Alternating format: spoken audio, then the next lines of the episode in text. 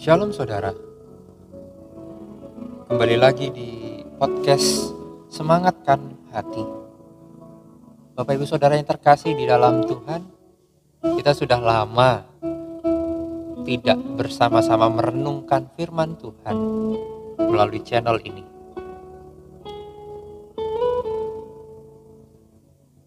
Mungkin karena kesibukan saya Saya mohon maaf bahwa selama ini tidak lagi hadir secara rutin untuk membantu Bapak Ibu Saudara merenungkan firman Tuhan. Mari Bapak Ibu, kita kembali merenungkan sabda Tuhan di pagi hari ini, di siang hari ini, di malam hari ini. Bapak Ibu Saudara yang terkasih di dalam Tuhan, renungan kita diambil dari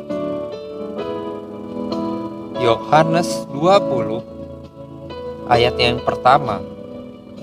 Dilanjutkan dengan ayat yang ke-11 sampai dengan ayat yang ke-18 Injil Yohanes pasal 20 ayat yang pertama dilanjutkan dengan ayat yang ke-11 sampai dengan ayat yang ke-18. Yang demikian firman Tuhan. Pada hari pertama minggu itu, pagi-pagi benar ketika hari masih gelap, pergilah Maria Magdalena ke kubur itu dan ia melihat bahwa batu telah diambil dari kubur tetapi Maria berdiri dekat kubur itu dan menangis. Sambil menangis, ia menjenguk ke dalam kubur itu. Dan tampaklah olehnya dua orang malaikat berpakaian putih. Yang seorang duduk di sebelah kepala dan yang lain di sebelah kaki di tempat mayat Yesus dibaringkan.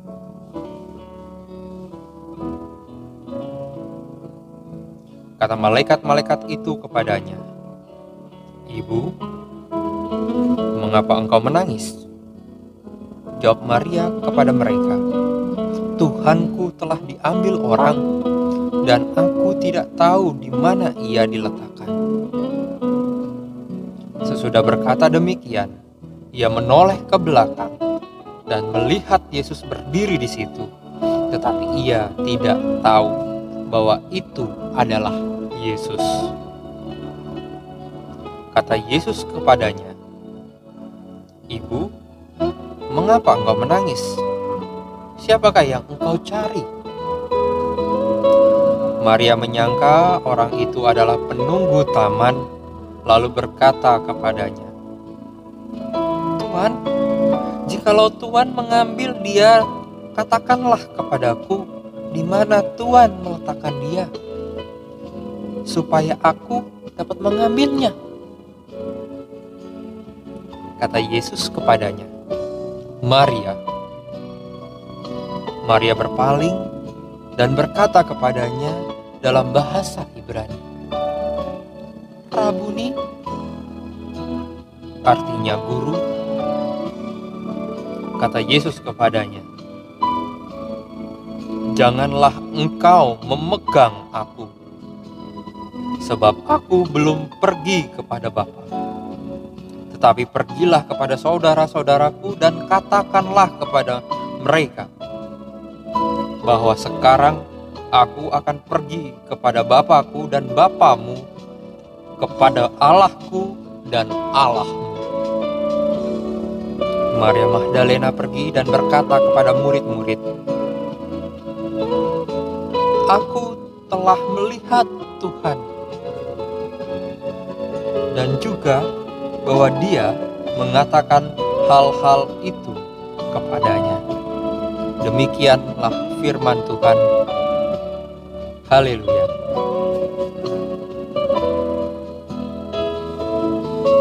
Bapak Ibu Saudara yang terkasih di dalam Tuhan,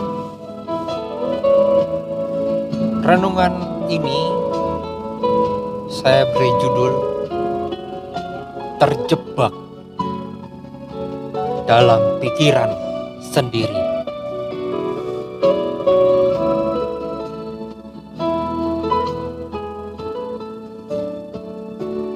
Apa salahnya jika Tuhan diambil orang?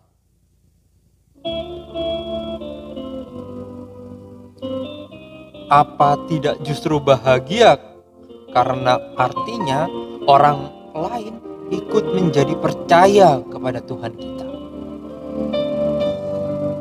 Agaknya Maria tidak merasakan demikian.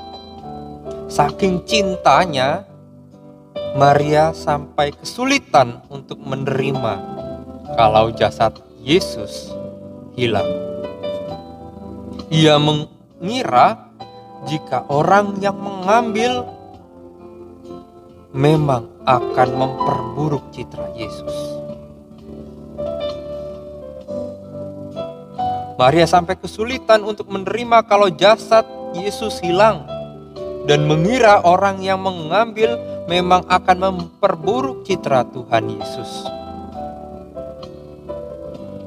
Dengan dengan diambil, dihilangkan, tubuh itu kemudian tidak akan bisa dikabarkan jika bisa bangkit dari maut.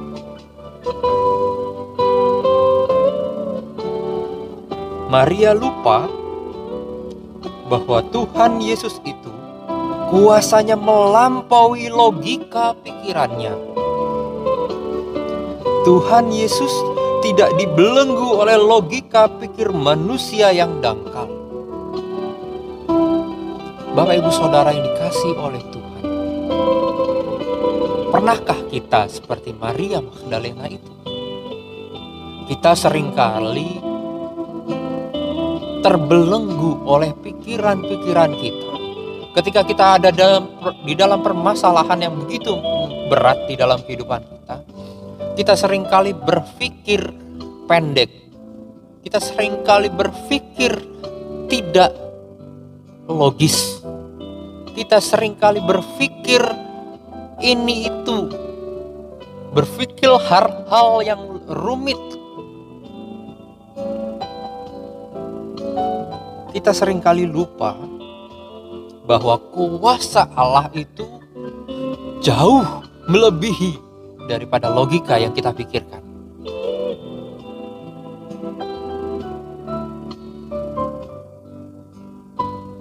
Cara berpikir demikian juga banyak dimiliki oleh orang-orang beragama. Merasa jika atribut-atribut agamanya diejek atau diremehkan, dia lalu sakit hati. Karena merasa seolah-olah Tuhannya yang disakiti. Padahal yang sakit hati itu adalah dirinya sendiri. Memang atribut agama itu penting, tetapi itu bukan Tuhan. Atribut-atribut itu sesungguhnya hanyalah rekaan-rekaan yang dibuat untuk memudahkan manusia untuk memahami bagaimana cara beragama. Sama halnya ketika kita berada di dalam permasalahan. Permasalahan-permasalahan itu hadir agar kita manusia bisa merasakan kehadiran Tuhan di dalam kehidupan kita. Kita sering kali menganggap Tuhan itu tidak ada. Kita sering kali berpikir bahwa Tuhan itu jauh dari kita. Namun nyatanya Tuhan ada di dalam kehidupan kita, meskipun ada di dalam permasalahan kita yang sulit ini. Melalui Injil Yohanes, pada saat ini kita bisa belajar akan sikap yang perlu dibangun dalam hidup beragama. yaitu bahwa Tuhan Allah lebih besar daripada pikiran manusia. Itu sebabnya, jika ada hal yang tidak sesuai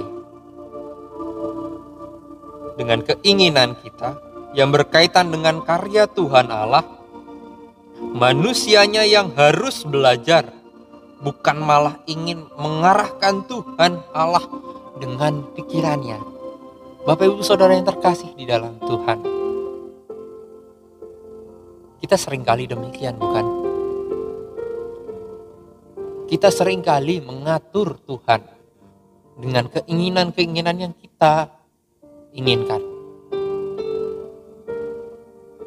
Kita malah seperti Tuhan yang bisa mengatur Tuhan. Seharusnya Bapak Ibu Saudara yang dikasih oleh Tuhan, kita tidak melakukan hal yang demikian.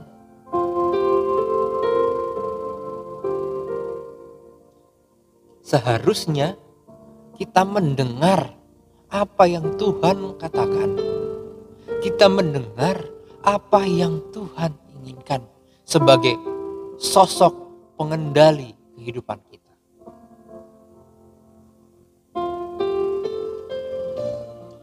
Itu sebabnya jika ada hal yang tidak sesuai dengan keinginan yang berkaitan dengan karya Tuhan,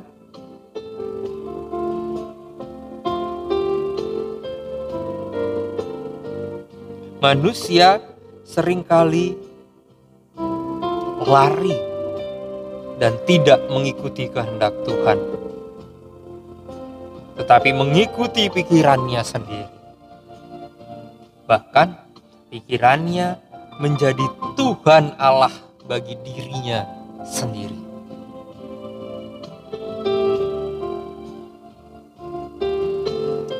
Oleh karena itu, berhati-hatilah Janganlah sampai pikiran kita seakan baik itu dijadikan sebagai Tuhan. Siapa tahu Tuhan menghendaki yang berbeda dan itu artinya kehendak Tuhan pasti jauh lebih baik daripada apa yang kita pikirkan, apa yang manusia pikirkan. Amin saat teduh bagi kita. Mari kita berdoa. Ya Allah Bapa, terima kasih atas firman yang boleh kami baca, firman yang boleh kami dengar, firman yang boleh kami renungkan saat ini. Kami paham ya Tuhan, bahwa kami sering kali mengandalkan pikiran kami. Kami sering kali terjebak di dalam pikiran-pikiran kami sendiri. Kami lupa untuk mengandalkan Engkau di dalam kehidupan kami. Oleh karena itu ya Tuhan, pimpin dan sertai kami. Selalu ingatkan kami apabila kami terfokus pada pikiran kami, terjebak di dalam pikiran-pikiran kami. Kami lupa bahwa kuasamu melebihi dari logika kami. Oleh karena itu ya Tuhan, mampukanlah kami ya Tuhan untuk mendengar apa yang Engkau harapkan di dalam kehidupan kami. Berbicaralah kepada kami ya Tuhan. Kami rindu ya Tuhan. Mendengarkan apa yang Engkau perintahkan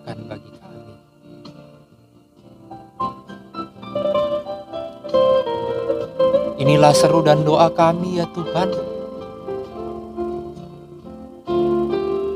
Amin. Bapak Ibu yang saudara dan kasih Tuhan, terima kasih atas partisipasi Bapak Ibu.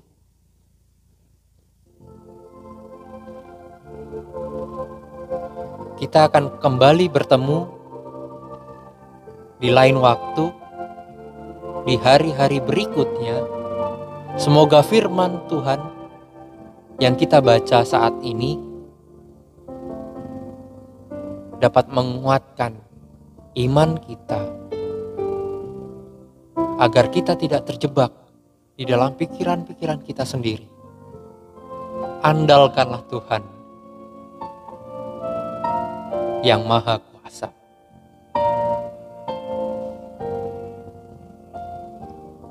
Terima kasih. Shalom.